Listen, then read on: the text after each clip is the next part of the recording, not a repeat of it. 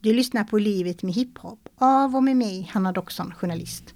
I det trettonde avsnittet och det sista för den här podden så handlar det om varför och hur välgörenhet har blivit en viktig del i Dennis Landéns liv. Men också om att livet inte alltid blir som man tänker sig. Kan jag hjälpa någon annan så kan jag hjälpa någon då, det betyder mycket. Till exempel med hemlöshet då vi pratade om. Pelle, min farbror då, som somnade in, han hade ju varit eh, hemlös för många år sedan. Och när han eh, låg på sjukhuset så fick jag kontakt med RSMH Lund och så jag skrev ett mail till dem och menade på hej jag vill göra ett hemlös-event. Punkt.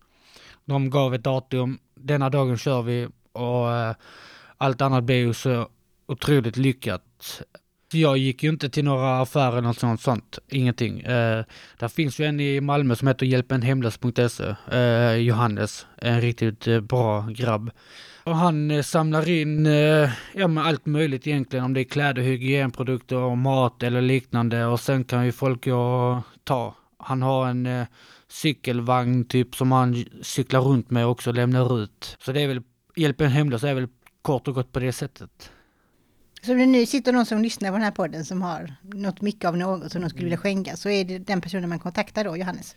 Ja, alltså man kan ju kontakta Johannes. Han heter ju Hjälpen Hemlös överallt. Eh, och om inte han, man kan kontakta honom så kan man ju alltid kontakta oss på RSM och Lund för vi tar ju också in så, alltså kläder och hygienprodukter och sånt ju.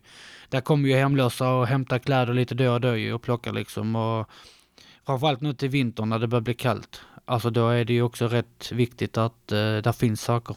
Ja, för där är ju Skåne lite unikt. Det är varmt väldigt länge i Skåne liksom. Men sen pang så smäller det till och då blir det jättekallt. Och då är ju de här personerna som sover i Kungsparken i Malmö exempelvis, då har de ingenstans att ta vägen. Hur, vad tänker du om det? Jag tycker att det är otroligt plågsamt att se det.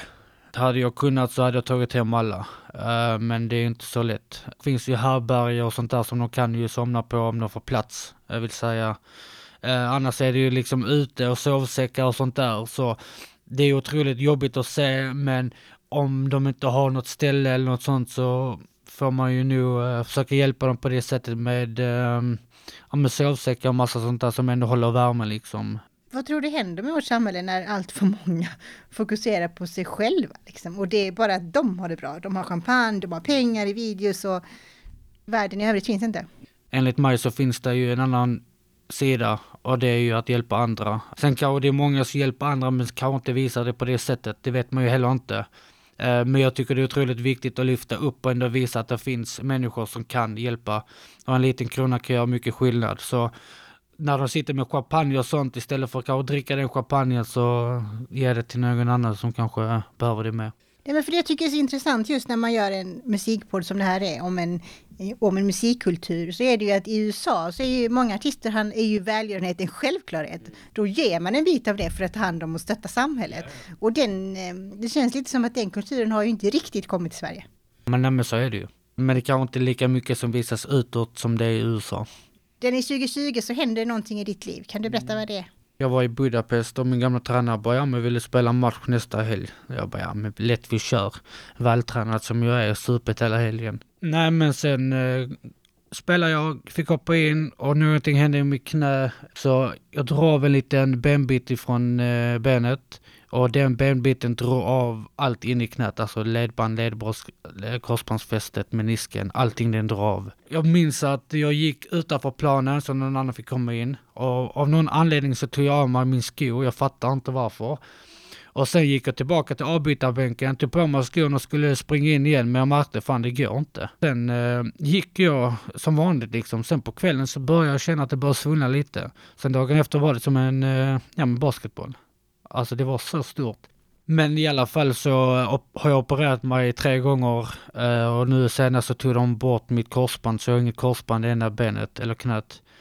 Och min läkare har sagt till mig att mitt knä har ju blivit som en 70-öring. Alltså det är så pass i sönder. Eh, jag kan inte göra vissa saker, jag kan inte spela fotboll, jag kan inte spela padel, inte badminton, jag kan inte ta vilket jobb som helst, jag kan inte lyfta vad som helst, jag får inte sitta på huk, eh, sitter jag för länge så stelnar det, jag måste röra mig, går eller står jag för länge måste jag sätta mig. Alltså det är mycket sådana saker som präglar in i det hela.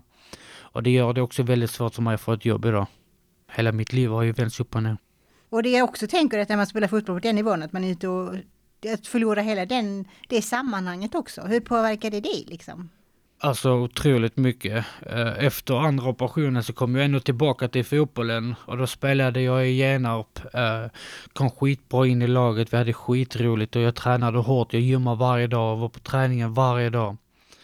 Sen eh, tappade jag lite där och sen kom jag tillbaka och sen när jag spelade igen så bara det small till igen. Och där kände jag väl lite så, fan nu har jag förlorat detta också, nu, kan jag, nu vet jag om att nu kan jag inte spela mer. Så hela denna sammanhållningen man har byggt upp, den finns inte kvar längre. Och då är man tvungen att börja tänka på något annat, okej men vad kan jag göra för att det ändå ska vara samma sak men ändå inte samma sak. Och det är den stora frågan för det är det svåraste. Det är plågsamt det också alltså. Var befinner du dig idag rent arbetsmässigt?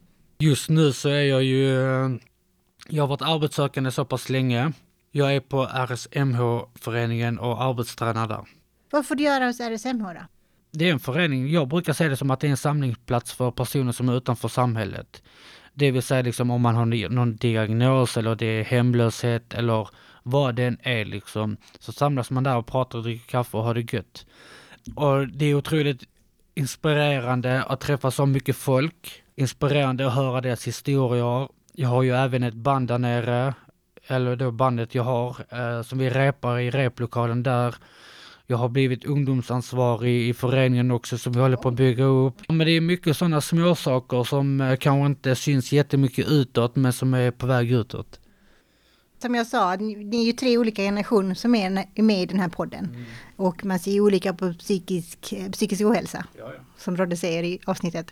Mm. Um, och när man hör dig, alltså RSMH är ju liksom en samlingspunkt just när man kanske befinner sig i ett gränsland eller inte riktigt vet, eller så är man fullt medveten om. Och för dig verkar det så enkelt att prata om diagnoser, det är ingen big deal. Nej, så är det ju. Och det är också det som är det fina med RSM, Alltså, min farbror sa alltid det när han levde, Pelle, bara, ja men kom hur du är. Och där är det verkligen så, där kan du komma exakt hur du är. Alltså ingen bryr sig hur du ser ut eller vad du har på dig eller vad du vill göra. För alla stöttar en, alla finns där för en.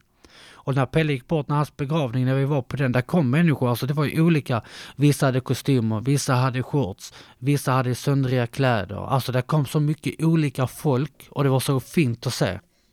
För det tycker jag är intressant, när, ibland när jag pratar med mina gäster, just det här tidsperspektivet. Hur, hur ser ditt tidsperspektiv ut? Jag tar dag för dag. För har jag något planerat och det inte blir av, så vill jag inte sitta där och bli besviken.